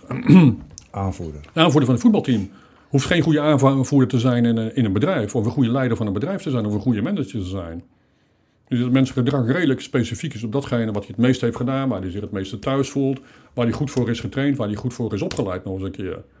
Nou, de kunst is om die transfer te maken ook naar andere dingen. Dus als mensen hier wegkomen, ze hebben iets heel spannends gedaan. Dat doe ik zelf ook. Als mensen hier iets, iets gedaan hebben wat heel spannend is, dan moet je wacht, wacht even. Op het moment dat jij ergens. eh, denk dan even aan wat, wat hier gebeurde. Die link wordt vaak niet gemaakt. Dus het moet meer zijn dan een leuk uitstapje even in de Ardennen of een leuk uitstapje hier. Dan moet die transfer zijn naar de volgende week. En dan moet je, hier moet een lesje geleerd worden, namelijk, die, die beklijft, die in je hersenen blijft hangen. En met heel veel systemen is dat namelijk, eh, is dat namelijk niet zo. Ik heb het gebruikt bij een tennisspeelster, Mary Pierce. Die is toen in, in Doorn geweest. Nou, daar hebben best wel spannende dingen gedaan. schieten, eh abseilen, tokkelen, dat soort dingen. Tokkelen met het hoofd naar beneden. Waarom? Omdat zij haar zelfvertrouwen kwijt was. Haar hersenen zeiden ja, maar het lichaam zei nee. Ergens was die verbinding verbroken. Nou, door dat soort fysieke dingen te doen, eh, heb ik heel duidelijk, hé, let op, als je straks op het koord staat weer, dan zie je dus dat jouw lichaam precies kan doen wat je hersenen zeggen, wat je spieren kunnen doen naar de hersenen luisteren. Dat doen ze gewoon hier ook. Dat doen ze straks ook gewoon. Die verbinding is er gewoon. Nou, daarna ging het ook heel erg goed. Die verbinding is goed eh, gelukt. Om die transfer vanuit die spannende situatie of die simulatie te maken naar een ernstsituatie. In haar geval was dat op, op het koord staan, eh, op Wimbledon staan of eh Roland Garros gaan staan. Maar als je, als je die verbinding op die manier eh, legt, wat ik dan meteen ben, ik, ik ben pelotonscommandant geweest van de eenheid waar je over praat. En eigenlijk zeg jij op het gebied van stress, met name onder gewapende, in gewa- gewapende operaties, ja, waren, waren het de beste van Nederland. De best getrainde mensen van Nederland. ja, Maar hun stressniveau nam dusdanig toe, omdat ze dus andere, op andere vlakken, bijvoorbeeld thuis, ehm, bepaalde eh, eh, triggers hadden. ja. Die hun dus eh, op de verkeerde manier konden aanraken. Wat ik dan denk is van, ja, zouden we onze mensen daar dan niet op dat vlak moeten, iets moeten leren? Om daar beter mee om te gaan, om meer in balans te komen? Of, Eigenlijk wel. Het is een kwestie van bewustwording. Een kwestie van bewustwording. En, en eh, het, het sleutelwoord is, en eh, ik heb daar eh, een gedeelte van een eh, boek over, over, over transfer. Hoe kan het ene wat je in ene situatie leert, Mhm. of een oefening, squatten of kniebuiging maken, wat is nu de transfer naar een opslag met volleybal of naar een sprint of een start uit de startblokken? Ja. Wat is de transfer daar? Of zou het net goed kunnen weglaten? Is er wel transfer? Is wel, hoe beter ik word in een ene situatie, hoe beter ik word in Gebeurt dat automatisch? Nou, dat is niet zo automatisch namelijk. Dat is, het- dat is het hele interessante. hoe, heet dat, hoe heet dat boek? Eh, het is net, net deze week komt eruit. Methodology of Training in the 22nd Century. Dus eh, trainingsmethodes. Ja. Hoe je training opbouwt en hoe je daarover nadenkt. Hoe je dat opbouwt vanaf de grond. Voor de volgende eeuw. eh, mijn collega's zijn eigenlijk wat traag. Die doen dingen 50 jaar later. Dus ik denk als ik nou een boek schrijf voor over de komende 50 jaar... dan zijn ze net op tijd om het eh, nu toe te gaan passen. dus, eh, Slim. Ja, da- dat, maar dat, da- daarin eh, gaat het dus inderdaad om dat als jij ergens heel erg goed in bent, dus eh, ik, eh, om even bij de operators te blijven, die zijn heel erg goed in hetgene wat ze doen. Ja. Ehm, maar vervolgens zijn ze eigenlijk heel erg slecht om een thuissituatie op een normale, zoals, een normale Ja, manier niet, te niet, niet, altijd. Niet hè. altijd, het maar even als een beetje voor- als voorbeeld, als maar, voorbeeld. maar het is mogelijk dat ze inderdaad zwaar in de stress raken van, van ja, wat, wat is nou stress voor hen? Ja, stress is, Maar Wat stress is er nou? nou? Als je onder vuur komt te liggen in een hinderlaag, of als je een, een, een, hoe heet dat, een, een, een, een nachtelijke sprong maakt in de Noordzee, of als je, dat is eigenlijk stress. En, en dus in de hersenen, dat dat stress is en alle andere wat er gebeurt, op het thuisgrond bijvoorbeeld, of in, privé, dat hebben ze nooit leren herkennen als, eh, als eh, stress. Daar zijn ze ook niet, ja, nou ja, goed, eh, of onverschillig eh, eh, voor. Lijkt het totdat ze, dat ze het eh, eh, daarmee te maken krijgen. Ja. En dan valt het best wel tegen. En, en wat is, wa- ehm, hè, want ehm, wij, wij hebben dat in die eh, scherpschutter ex- experience ook ehm, eh, naar voren gehaald. Ja, Mensen ervaren daar iets wat ze nog, nog nooit hebben ervaren. ja precies. En dat wat ze daar ervaren kun je in feite als een blauwdruk gebruiken op allerlei andere situaties. Ja, Hè, dus in feite, Ja. eh, de reactie die je hier laat zien, die ga Ja. je in je eigen realiteit, precies. ga je waarschijnlijk ook zo laten zien. Precies. En door het hier in een veilige, bijna fun-achtige setting te Ja. beleven en daarop gewezen te worden, ge- geef je in feite een mogelijkheid om dat dan in je eigen realiteit sneller te herkennen Precies. en daar op een positieve manier mee om te gaan. Dus wat je eigenlijk zegt is van oké, die, die operator die kan onder die omstandigheden prima met stress overweg. Sterker nog, het maakt hem beter. Ja, Alleen hij, hij, hij, hij heeft het dan zeg maar niet eh, voor zichzelf helder dat deze reactie in zijn eigen realiteit eigenlijk één op één over te nemen is. hey. Maar dan bedoel je niet dat hij zijn vrouw gaat doodschieten of zo, toch? Nee, nee, nee, nee, maar goed, eh, om- om- omgang eh, met, eh, met eh, Nou, er is ook een wereld buiten de poort. Zowel dat die er altijd is, als wel dat je op het moment dat je stopt met het werk, dat er een wereld is die. eh, aan de ene kant is natuurlijk een, een leven wat, wat vol zit met levensbedreigende en spannende dingetjes. Aan de andere kant heb je ook eh, dingen die vele malen spannender zijn. En die je eigenlijk pas. eh, je bent bijvoorbeeld gewoon. Afspraak is afspraak. Je bent gewoon op tijd. Ja. Nou, is dat niet zo, dan begin je een beetje on, onbehagelijk te worden, want dat is eigenlijk nooit voorgekomen. Nou, dan kom je in de, in de buitenwereld terecht en plotseling lijkt afspraak niet meer afspraak te zijn. Eh, vertellen mensen, hebben een verborgen agenda, vertel je niet recht in je gezicht hoe het eraan toe is en dat ze jou een eikel vinden. Nee, het zijn allemaal verborgen agenda's en mensen hebben hele andere ideeën daarvan. Ja. En plotseling eh, ziet de wereld er stressvol uit, vandaar dat veel mensen zich ook niet kunnen aanpassen aan een, aan een normaal... Er worden echt geen schaapherder of pottenbakker ergens. Als je iets gaat doen, dan ga je iets doen in hetzelfde werk. Je gaat jullie soort werk doen. Je gaat eh, in, met security, je wordt consultant ergens. eh, je gaat iets doen met sport. Het blijft in dezelfde wereld, omdat het ook wel lekker veilig is om dat te doen. Ja. Dus het is ook een hele beschermde wereld. Hè? Ja, de- Wat is dan de truc om, dat, om eh, transformatie goed uit te voeren? Eh, ik-. Daar is geen, geen truc voor, maar eh, eh, begrijp je wat ik bedoel? Dus, eh, Ja. ja wat, wat, hoe wat- wordt wat- een operator een goede pottenbakker? Ja. Dat is de vraag. Potten breken waar. kan hij wel, maar potten bakken wordt Ja. het moeilijker. kan nog eens een keer een potje breken. Ja, maar die eerst kijken bij, bij stress. En de belangrijkste van dingen is, is gewoon eh, de herkenning van, eh, van eh, stressreactie. Veel mensen herkennen dat niet. En tweede is, eh, de tweede stap is dan de erkenning van ja, verdomd, ik ben toch gestrest. Want in een, in een, in een cultuur van, die redelijk macho is, hè, die redelijk eh, stoer is, ga je niet, zeggen, ja, wat zit je nou te janken man, kom op. Eh, je gaat niet zeggen van, je zit zit, zit te houden van, ja, ehm, mijn vrouw heeft een probleem of die, we gaan misschien scheiden. Dat soort dingen die voor kunnen komen. Dat, is, dat is gewoon... dat- Wil je een tissue? Ja, ja, wil je? nou, doe maar twee. ja, d- ga, doe maar twee. Ehm, dat, dat zijn dingen waar je... Dus eh, het zou ook goed zijn als die... Als die eh, wil je echt optimaal kunnen functioneren tot, eh, tot eh, op hoge leeftijd... is het goed om, om die stressoren op alle vlakken te benoemen. Niet alleen het schieten, het exploderen en het springen en, en, en duiken... maar eigenlijk al die stressoren ook eens een keer bij langs te gaan. Voor jezelf als individu. Voor jezelf met name, En- voor jezelf als individu. Dan kom ja, je volgens maar, mij ook... Maar als organisatie in het algemeen misschien wel. Ja, ook, natuurlijk. Natuurlijk. En, Ja. en hoe- hoe- en, eh, dus, dus herkennen, bewust worden. Dus, dus je moet le- mensen leren, oké, eh, je ervaart nu stress. En dan Ja. vervolgens moet je ze leren om... Herkennen. Van, eh, hey, ook toegeven van, hé, hey, ik ben gewoon domme, ja, eh, stress. En vaak, ja, is geen stress. Nee, nee, gestrest zijn die mensen buiten de poort. Die zijn gestrest. Wij niet. Wij moeten, wij moeten problemen oplossen. Ja. Ja, die mensen bij de poort zijn gestrest. Wij kennen dat. Per definitie bestaat stress niet. nee, ja, stress, wat zuur je nou? Pff, pff, weet je wat stress is? Als een Taliban een hinderleg voor je legt en je wordt beschoten of een berm op, dat is pas stress. Ja. Ja, dat, dat, dat is ook zo. Dat is inderdaad ook stress. Maar er zijn ook andere vormen van stress die je eigenlijk net zo hard erin hakken, misschien wel harder erin hakken. In je, in je, in je geest dan, eh, dan, dan de Taliban.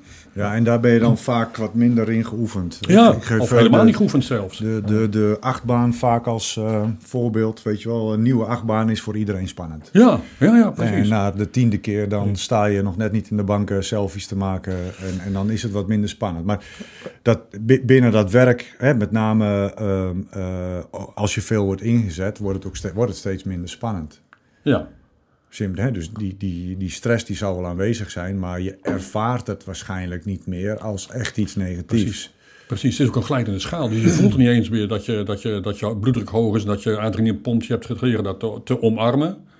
Je hebt geleerd dat, eh, eh, eh, van, hé, hey, dit is normaal, het wordt een glijdende schaal. Dus je went eraan. Een topsporter went ook aan spierpijn, aan stress, aan ongemakken. Joh, als ik zo zou trainen, zou ik de volgende dag niet mijn bed uitkomen en zeggen, ja, ik heb een beetje spierpijn. Want ze zijn eraan gewend, aan, aan, aan, aan vermoeidheid, stress en ongemak en pijn. Eh, maar weet je, weet je wat ik hier nou zo interessant aan vind? Want ik vraag me af hoe dat in, eh, in- Ik kan me heel goed voorstellen dat in de topsportwereld daar veel bewuster mee omgegaan wordt. En ik denk dat het eh, best wel een dingetje is. Dat als, als ik zelf daarnaar kijk en ik zou weer dat team moeten leiden. Dus je, Ja. je moet je, je operators, hoogste niveau, eh antiterreur, op leven en dood. Ja. Ehm, dan wil je alles, maar dan ook daadwerkelijk alles eraan doen om de omstandigheden zo goed mogelijk te creëren. Ik, ik begrijp dat, dat je, Mhm. dat je op, suboptimale omstandigheden, hebben, hebben we het al eerder over gehad, dat is er. Ja. Maar wat ik bedoel is dat ik dan eh, zeker de, eh, eigenlijk een hele simpele tool is dus je mensen bewust maken van hé, er zijn nog andere stressfactoren in je leven, behalve wat we doen binnen de poort en in een operatie. Ja. Ja. En hoe kunnen we onze mensen daar nou beter mee om laten gaan? Omdat dan uiteindelijk, wat ik wil bereiken, als ik puur naar mijn opdracht kijk, ik wil gewoon 100% zeker weten dat Jeroen niet met zijn hoofd thuis zit met allemaal stress. Ja. Terwijl we eh, de deur er moeten, uit moeten blazen en naar binnen gaan stappen en hij met zijn hoofd er niet bij is. Uiteindelijk is, kunnen we dan nog zoveel getraind hebben in het schieten en de deur opblazen. Maar uiteindelijk gaan we het er gewoon afleggen. En dat kan dus eigenlijk heel simpel zijn, omdat hij dus niet in staat is geweest. Ik noem even expres jou als voorbeeld. Ja. Ja. Om, om goed op, een- op een gezonde manier met zijn vrouw en, en, en zieke kinderen om te gaan. Ik noem maar wat. Ja. Dus eigenlijk is het van levensbelang, Ja. als je, het zo, eh, als je hem zo neerzet, om daar dus een bepaalde mate van bewustwording te creëren. Ik kan een voorbeeld doen van een operator die eh, in het buitenland eh opereert. We hebben een testapparatuur bij ons. Nou, normaal stressniveau 30, 40, 20, 30, 40. Dat is een verhouding tussen uh, gaspedaal en rempedaal. 30, 40 zo ongeveer. Ja, op een gegeven moment eh, staat hij ergens op een dak en laat hij gewoon eh, zijn vuurwapen uit zijn handen. Die viel naar beneden op waar de rest van de operator staan. Eh, geen goede boodschap. En eh, toen eh, hebben we ook stressmeter. Stressniveau was 1100. 1100. Nou, de man de gierde van de stress. En dat was niet vanwege dat ding. Maar en van de buitenkant kun je niet zien. Dat is het leuke van stress. Aan de buitenkant kun je niet zien. Sterker nog, de mensen die het rustig zijn, die zijn vaak het meest gestrest. Denk maar, hè? stille water hebben diepe gronden. Binnenvetters. Dus aan de buitenkant zie je nooit wat. Dat is een hele, ah, nee, dat is een hele rustige, robuuste kerel. Die kun je echt meenemen overal. Die, maakt hem de pis niet lauw. Dat is gewoon een hele goede man. Nou, ondertussen 1100. Dat betekent dat mm, alleen aan de buitenkant zie je het niet. Dus dat is, dat is het, linker. Zeg, goh, is er wat aan de hand? Nee, helemaal niks aan de hand. Nee, nee, nee, nee, nee niks. Nou, even laten liggen misschien. Hè? Ergens een foutje gemaakt, wat dan ook, in de meting. Nee hoor, even daarna 1200. Een uurtje wachten, nog steeds 1200. Dan weet je dat het chronisch is, dat het niet meer naar beneden gaat. Dat het gewoon, nou, even later, uh, nou zeggen, een, paar weken later hoorden wat er aan de hand was. Een hele ernstige situatie in zijn, in zijn gezin eigenlijk. Een ja. hele ja, dramatische situatie. Dat houdt hem bezig. Ja. En vandaar dat je fouten gaat maken als je bezig bent van hoe zal het op het thuisfront zijn. Uh, wat, en dan, terwijl je een, een scherpe opdracht moet uitvoeren, dan heb je kans dat je hersenen engaged zijn al. En dat ze niet uh, helemaal echt hun hoofd er niet bij hebben om, om, om een scherpe opdracht uit te voeren. Nou, natuurlijk kan dat leiden tot levensgevaarlijke situaties. Ja. En dat zie ik net wat te veel. Ook omdat je het kunt meten, kun je dat, kun je net iets te veel zien. Iemand die gewoon in de rode cijfers zit, hersenen helemaal leeg, te veel aan zijn hoofd gaat, om welke reden dan ook. Hij moet dan een, uh, gooit dan een flashbang uh, tegen, de, tegen de muur aan in plaats van door de deur. Ik bedoel, op twee meter afstand. Ik zou toch hier vandaan een flashbang door die deur moeten kunnen gooien? Nee. Hij uh, kaatst tegen de muur en komt dan terug voor zijn eigen team. Ik heb het toevallig gefilmd, dus ziet ook helemaal achteruit deinzen. Nou, dat zijn natuurlijk situaties die bijna te voorspellen zijn op het moment dat iemand zijn hersenen leeg zijn, dat zijn hoofd er niet bij is.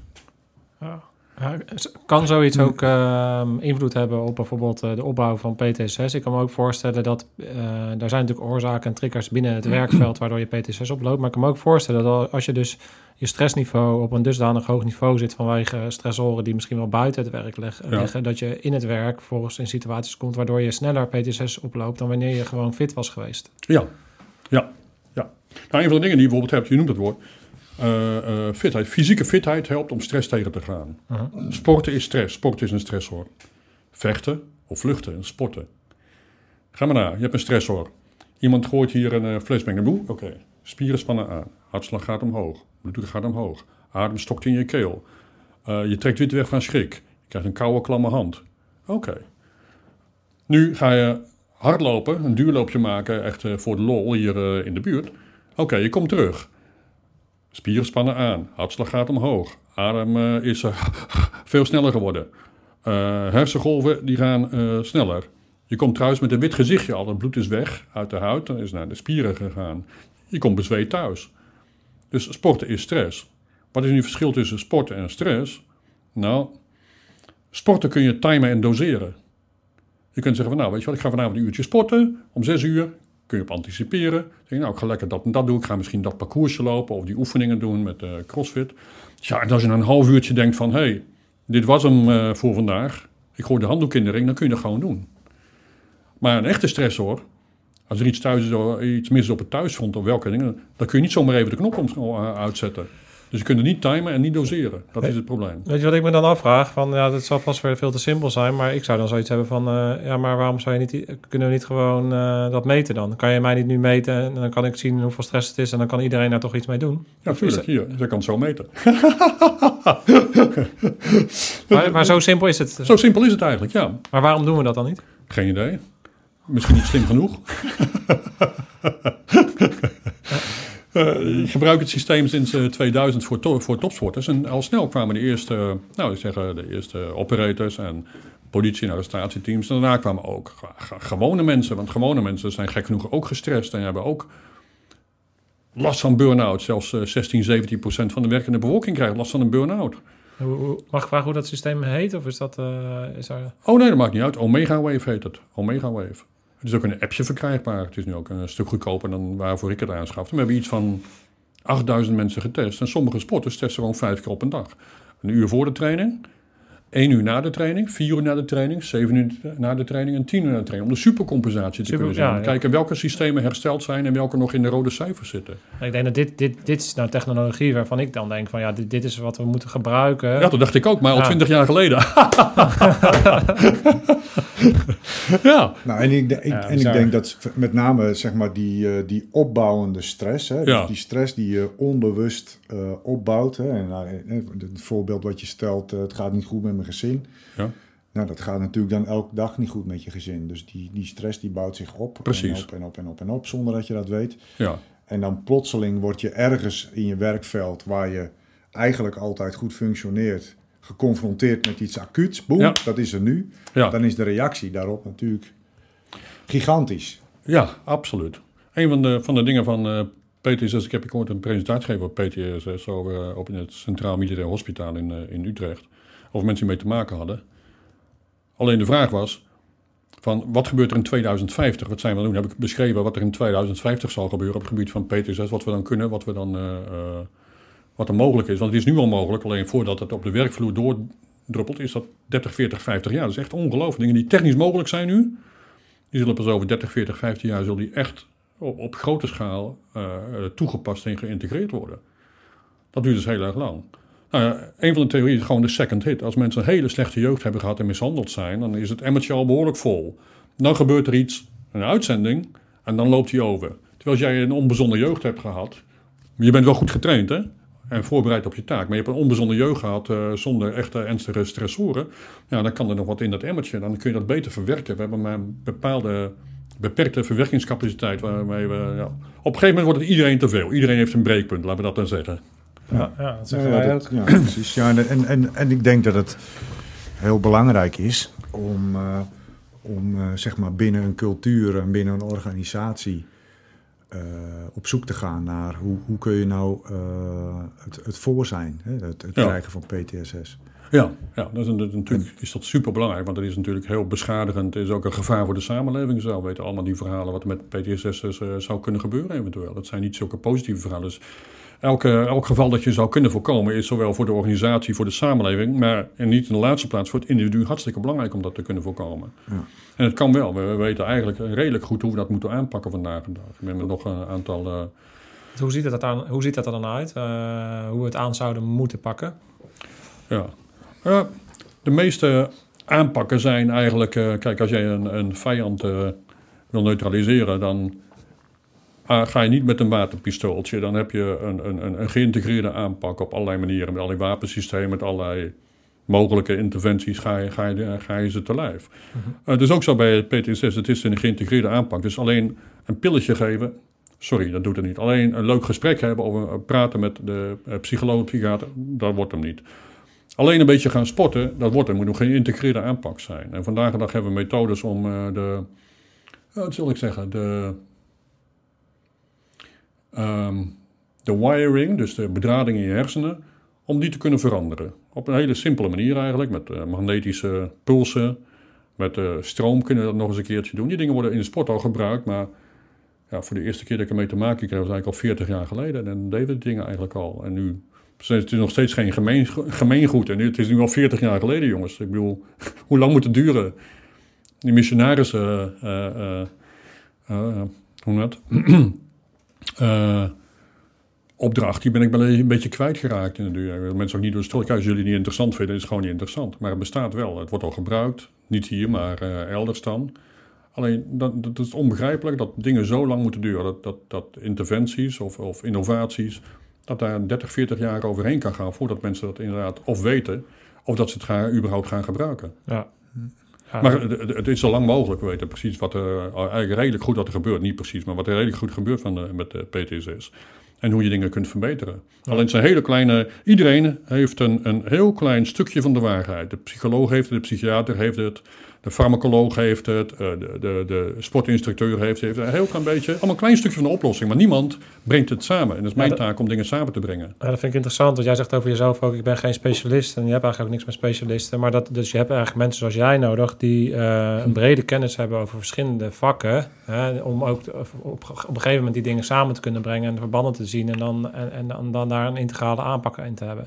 Ja. Maar dat, ja, ik denk dat er gewoon heel veel mensen te veel in hun eigen vakgebied blijven zitten en dan daar de oplossing eh, zoeken. Kijk in de gezondheidszorg, het zijn allemaal specialisten die van elkaars vakgebied of zelfs van een onderdeel van hun eigen vakgebied eigenlijk al helemaal niets meer weten, omdat ze zo eng gespecialiseerd zijn. Dus, maar goed, als jij verdwaald bent in een bos, kun je microscopen hebben en dan kun je naar, een- naar de dennenhalen zitten turen, maar het gaat je niet helpen om uit het bos te komen. Dat is het punt. Je moet toch een beetje die helikopterview hebben en weten waar je bent, of een kompas en een kaart hebben. Ja. Dat vergrootglas en die microscoop ga je niet helpen.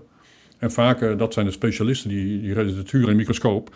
Alleen wat er omheen gebeurt, dat interesseert ze ook eigenlijk niet. Dat is nog het eh, rare.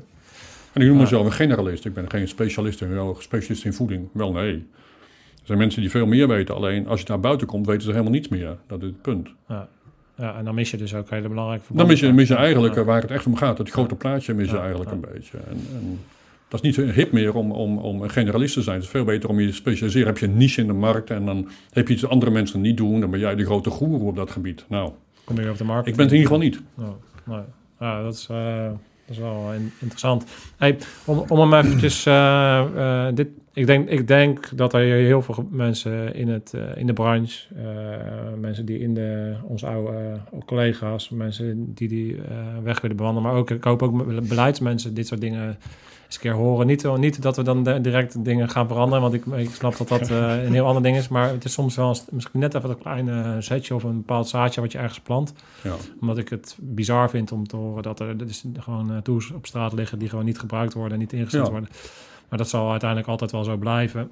maar ik hoop toch wel dat er iets eh, in beweging gaat zetten. Maar wat ik heel veel wil, eh, ik wil me even terugtrekken naar een groot an- ander deel van onze doelgroep. En dat zijn de jongens die eh, aan de start staan. Ja. Eh, ehm, kan jij die jongens een advies geven ehm, vanuit jouw ehm, kennis? Mhm. En zij willen marinier worden of bij de politie, arrestatieteam komen, Marshof. ja.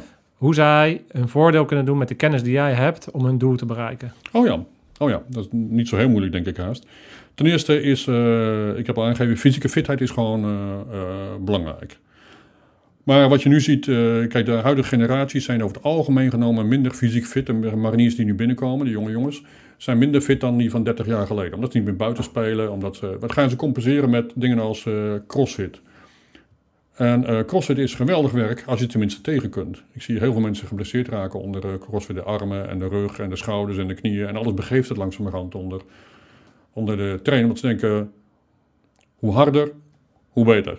Ja. Nou, en dat is gewoon niet zo. Je hoeft ook niet heel veel spier te hebben om gewoon een goede operator te zijn. Ik bedoel, het is niet zo dat de gemiddelde bodybuilder nu een betere operator is dan de, dan de schreeuwkip, laat ik het zo zeggen. Kijk, kijk maar naar dat schallige kas van mij. Ja. ik vind, eh, eh, ik, ik, ik, ik hoor wat je zegt hè, en ik ben het ook met je eens. Ja.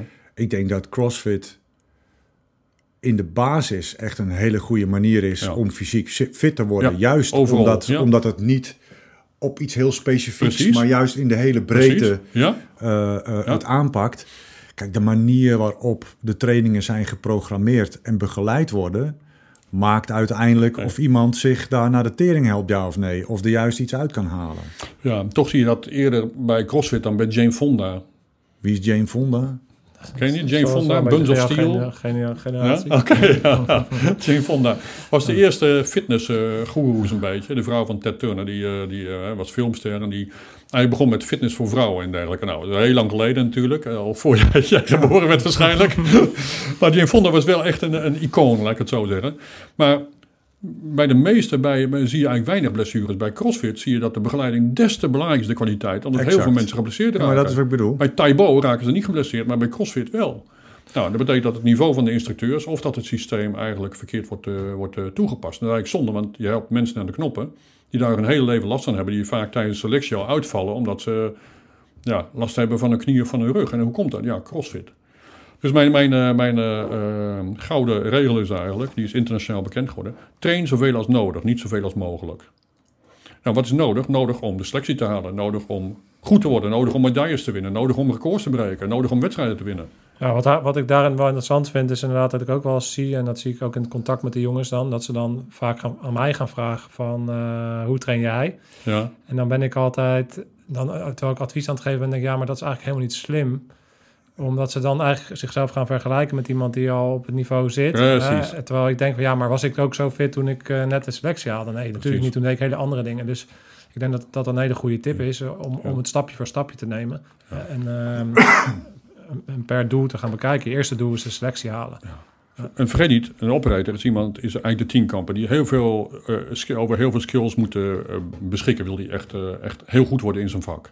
Nou, dan moet je eerst even kijken, waar ben ik nu echt goed in? Nou, de meeste mensen zijn wel goed in. Ja, je hebt hier mensen die doen aan, eh, aan, eh, aan eh, martial arts, zijn geweldig in ongewapend gevecht. Nu moet je ze een stukje laten klimmen en dan gaat dat plotseling niet zo goed meer. Dus kijk e- eerst even van waar ligt je beperkende factor? Wat, weet wat je te wachten staat bij een selectie. Weet wat je te wachten staat in de opleiding verder. En werk dan met name aan je zwakke punten, want daar ga je op nat. Je gaat niet nat als, als, als noem het martial artsman, ga je niet nat op ongewapend gevechten. Klaar. Nee, nee. Ben je toevallig iemand die houdt van schieten en zit je bij een lid van een schietclub, ga je niet nat op schieten. Maar misschien wel weer op dat ongewapend gevecht. Of wel weer dat je, nou ja, Ja, als, eh, exact. als eh, in het water eh, daar eh, letterlijk en figuurlijk nat gaat. Ja, ik, ik zie de, meest, de meeste mensen gaan nat. En ik had daar, eh, als ik naar mezelf kijk, heel erg geluk mee. Is dat ik wel een goede loper was. Ja, Ik denk dat, dat eh, lopen gewoon nog steeds, en eh, misschien dat bij de politie veel minder is, dat, dat denk ik wel. Maar bij, bij de mariniers moet Ja. je gewoon goed kunnen lopen. En, Ja. en de goede lopers hebben het gewoon tien keer zo makkelijk als de jongens die, dat, die het zwaar hebben met lopen. absoluut. Absoluut. Hoe wil je ook een afvragen, ja, vanuit het functionele oogpunt. Dat, Hoeveel wordt er nog gelopen door mariniers? Kijk, weet je dan inzet, is hoeveel wordt er gelopen? Je wordt met een helikopter afgezet ergens notabene op het dek van een schip of eh, ergens... eh, hoeveel moet je lopen? Die 200 kilometer eh, eh, door de woestijn heen eh, eh, crossen. Of door de bergen crossen. Dat hoort niet meer bij de moderne eh, eh, tak van oorlogvoering. En zeker niet bij de moderne oorlogvoering. Waar het gaat om anti- anti-terreur. Dan hoef je niet 200 kilometer achter een terrorist aan te rennen. Nee. Zo. Hoewel het wel natuurlijk geweldig is al voor algemene fitheid en groot voor mentale fitheid en nog eens een keer als eh, stress. Dus je moet gewoon altijd fysiek hartstikke fit zijn. Ja. Maar ga het nu niet overdrijven zodanig dat je ge- geblesseerd raakt. Ja. Want hoe meer je traint, des te beter je wordt. Maar op een gegeven moment houdt het keurig netjes op. Dan kun je net zo hard trainen, je wordt niet beter meer. Van 13 naar 14 keer per week trainen is niet zinvol meer. Als je al 30 keer per week traint, dan mag je veronderstellen dat iemand fit is. Die ene training zorgt er wel voor dat je geblesseerd raakt. Dat je Achillespezen begint te kraken en je knieën aan het opgeven en je rug het opgeeft. Ja. Dus dan moet je ook altijd naar de optimale training. Zoveel mogelijk effect van de training en zo weinig mogelijk risico voor blessures. Er zijn mensen die ook oefeningen overnemen van andere mensen. Doe het niet. De een is een gouden oefening, is de ander een doodsklap. Dus een goede begeleiding daarin uitzoeken voor jezelf. Om Absoluut. Je, om, je, eh, f- om, om fysiek fit te worden Ja. is essentieel. Ja, vraag met name aan de operator die weet wat nodig is. En wat de st- sterke en zwakke punten zijn. En ga er niet naar de gemiddelde sportschool aan de, aan de fitnessinstructeur, aan de personal trainer vragen. Want die heeft daar toevallig even net helemaal geen verstand van, nog eens een keer. Die gaan met jou de, de, de, de leukste coole buikspieroefeningen doen. Alleen, goed, laat je dat nu net even niet nodig hebben misschien. Dat heb je wel nodig, maar bij wijze van spreken. Ja, Ah, bij mij ehm, ehm, heel, erg, heel erg bedankt voor, voor alle kennis die je hebt ge- gedeeld. Wat, wat er bij mij heel erg ehm, opkomt is eh, kennis is macht. En, Ik wou dat het waar was. oh, dan wordt hij meteen onderuit gehaald. Dat was een keizer van Nederland, maar dat maakt niet uit. Maar jij, eh, jij bent het niet mee eens. Nou, laat ik zo zeggen, met kennis kan je kan je, je voordeel doen. Ja. Klopt dat wel? Ja, ja nee, absoluut, absoluut. Je kunt veel voordelen halen. Ten opzichte van mensen die dat niet, domweg niet hebben. Ja. En dus zonder dat heel veel kennis gewoon blijft liggen ergens. Dat kennis er is en domweg niet gebruikt wordt. Omdat mensen toch gauw in een comfortzone terugzakken en denken, ja, ja, ja, boeken lezen, wat koop ik daar nou voor? Niets is praktischer dan een goede theorie, geloof me. Nee. Als je weet hoe het menselijk lichaam werkt, dan kun je er ook wat mee doen. Als je denkt van ja, het zit daarboven, het zit niet goed tussen de oren of het zit niet lekker in mijn vel. Wat kun je daarmee? Als je nou weet hoe je gestrest iemand is, dan kun je daar kijken wat, heeft er nou, wat is daar nou voor invloed op. Als ik acupunctuur ga doen, en masseren of visualiseren of ademhalingsoefeningen, dan kun je zien wat er voor jou werkt of niet. En dan, dan is dat een goede tool in plaats van alles te gebruiken wat, wat je maar in de boekjes of op het internet vindt. Nou, ik denk dat dit een lesje ehm, bewustwording is en in de breedste zin van het woord. Hè, dat er zoveel eh, in die gereedschapskist zit en dat je, als je alleen maar de hamer gebruikt, dan kom je er niet. Ja, Nou, dus eh, verbreed je blik, eh, want dan ga je gewoon verder komen. Dat is eigenlijk de les die ik hier iedereen zou mee willen geven. Dus ehm, heel erg bedankt voor het delen van je, van je kennis. Tof gesprek. hey, graag gedaan. En eh goede vragen, dat vind ik ook wel leuk. Ja, goede scherpe vragen stellen. en je weet waar je over praat, dat is ook mooi. Nou, gek. gaaf. Super. Henk, dankjewel. Graag gedaan. Dus eh, rammers, voorwaarts. wat, wat hij eigenlijk zegt, lieve jongens en meisjes, is rammen met je kadaver. Ja, dat is. Dat wat je moet doen. Dan kom je er wel. Het komt altijd weer op hetzelfde neer. Zo is dat. Rammen met je kadavers. Scherpschutters. Uit. Uit.